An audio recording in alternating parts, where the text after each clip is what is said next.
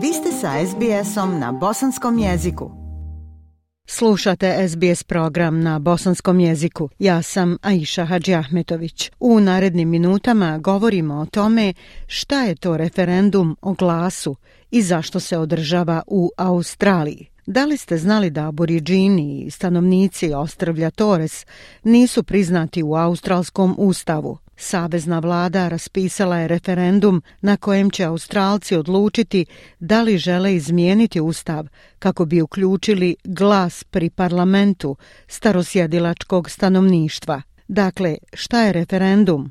Ko ima pravo da glasa u Australiji i šta bi radio glas pri parlamentu? Savezna vlada traži od birača s pravom glasa da odluče da li će dopuniti australski ustav kako bi se priznali starosjedilački narodi uspostavljanjem predstavničkog tijela poznatog kao glas autohtonih naroda pri parlamentu. Glas bi bio izabrana grupa koja bi savjetovala vladu o pitanjima i zakonima koji se odnose na pripadnike prvih naroda. Ivan Ikin Smith je glasnogovornik Australske izborne komisije, nezavisnog nacionalnog tijela koje vodi izbore i objašnjava zašto referendum igra važnu ulogu u tom procesu. A referendum is a national vote on a particular issue Referendum je nacionalno glasanje o određenom pitanju koje se tiče promjene Ustava Australije. Jedini način da promijenite Ustav je glasanjem.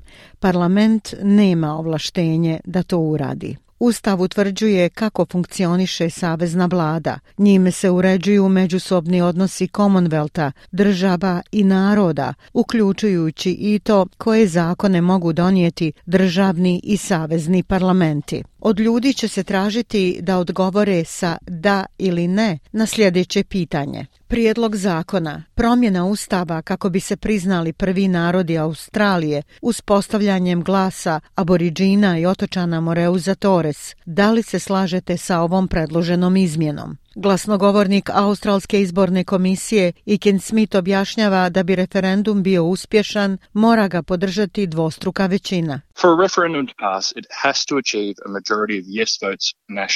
Da bi referendum prošao, mora postići većinu glasova za na nacionalnom nivou i većinu glasova za u većini država. Dakle, najmanje četiri od šest australskih država moraju glasati sa da. Stanovnici teritorije glavnog grada i sjeverne teritorije glasaju kao i svi drugi građani Australije i označavaju da ili ne na glasačkom listiću. Njihov glas se računa u većinu samo na nacionalnom nivou, a ne za drugu prepreku koju referendum mora proći. Dakle, glasovi u teritorijama su izuzetno važni za ukupnu nacionalnu većinu.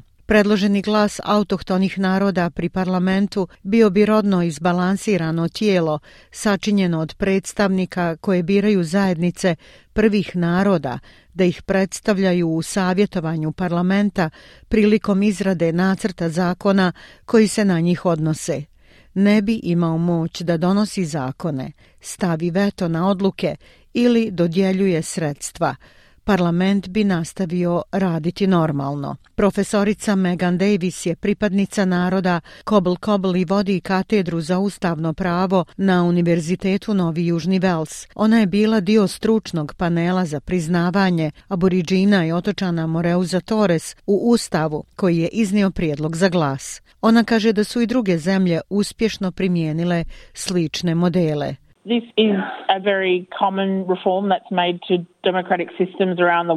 Ovo je vrlo uobičajena reforma koja se provodi u demokratskim sistemima širom svijeta kako bi se osiguralo da glasovi autohtonih naroda čuju kada vlade donose zakone i politike koje se odnose na njih. Jedan od razloga zašto nismo bili u mogućnosti da smanjimo jaz u nepovoljnom položaju u Australiji je taj što se vlada vrlo rijetko konsultuje sa zajednicama kada donose zakone i politike o njima. Dean Parkin je pripadnik naroda Kvandomoke i direktor kampanje Od srca za uključivanje glasa pri parlamentu u Ustav.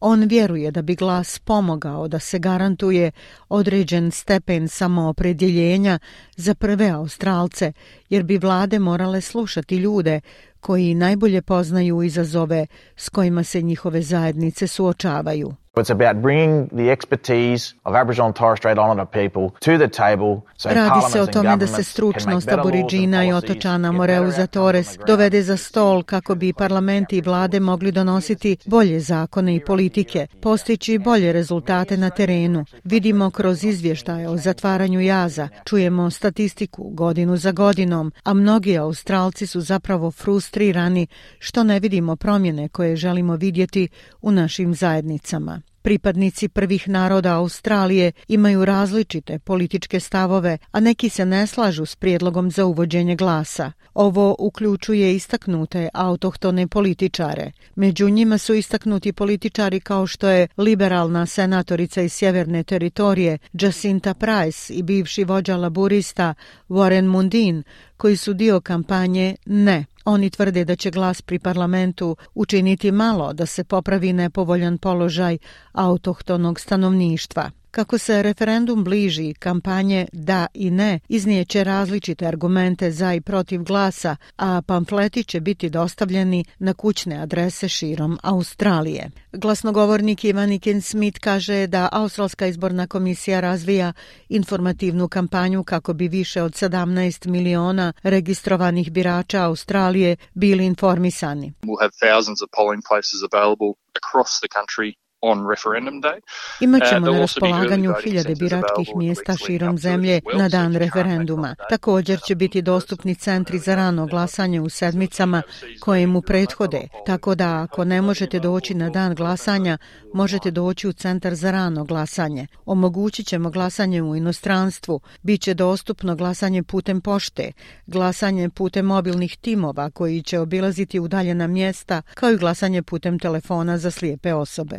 Historijski nije bilo lako uvjeriti Australce da izmjene ustav. Od federacije 1901. godine samo 8 od 44 prijedloga za promjenu je uspjelo. Posljednji referendum održan o pitanjima starosjedilačkog stanovništva bio je 1967. Njegov uspjeh je omogućio da prvi Australci budu priznati kao Australci prema zakonu Commonwealtha i stoga ubrojani u popisu stanovništva. Što se tiče toga kako glasati na predstojećem referendumu. Jednostavno ćete morati napisati riječ da ili ne na engleskom jeziku na glasačkom listiću.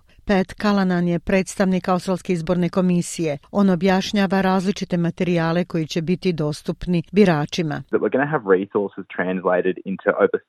Imaćemo resurse prevedene na preko 30 različitih jezika, dostupnih na našoj web stranici i putem usluga tumača telefonskih poziva. On objašnjava da svi koji su upisani na birački spisak da glasaju na izborima imaju i pravo glasanja na referendumu. To znači da je glasanje na referendumu obavezno za upisane građane kao i na izborima. Samo morate biti australski državljanin, ali vas ohrabrujemo da ako ste se preselili ili ako niste sigurni da su vaši podaci ažurirani u biračkom spisku, da možete provjeriti svoje podatke na internetskoj stranici aec.gov.au. Gospodin Ikin Smith vjeruje da je važno učestvovati u debati i da se informiše. Pažljivo govorite o ovoj temi. To je ono što je važno za referendum. Ne razmišljajte o kandidatima koje biste možda željeli izabrati. Razmišljajte o tom pitanju.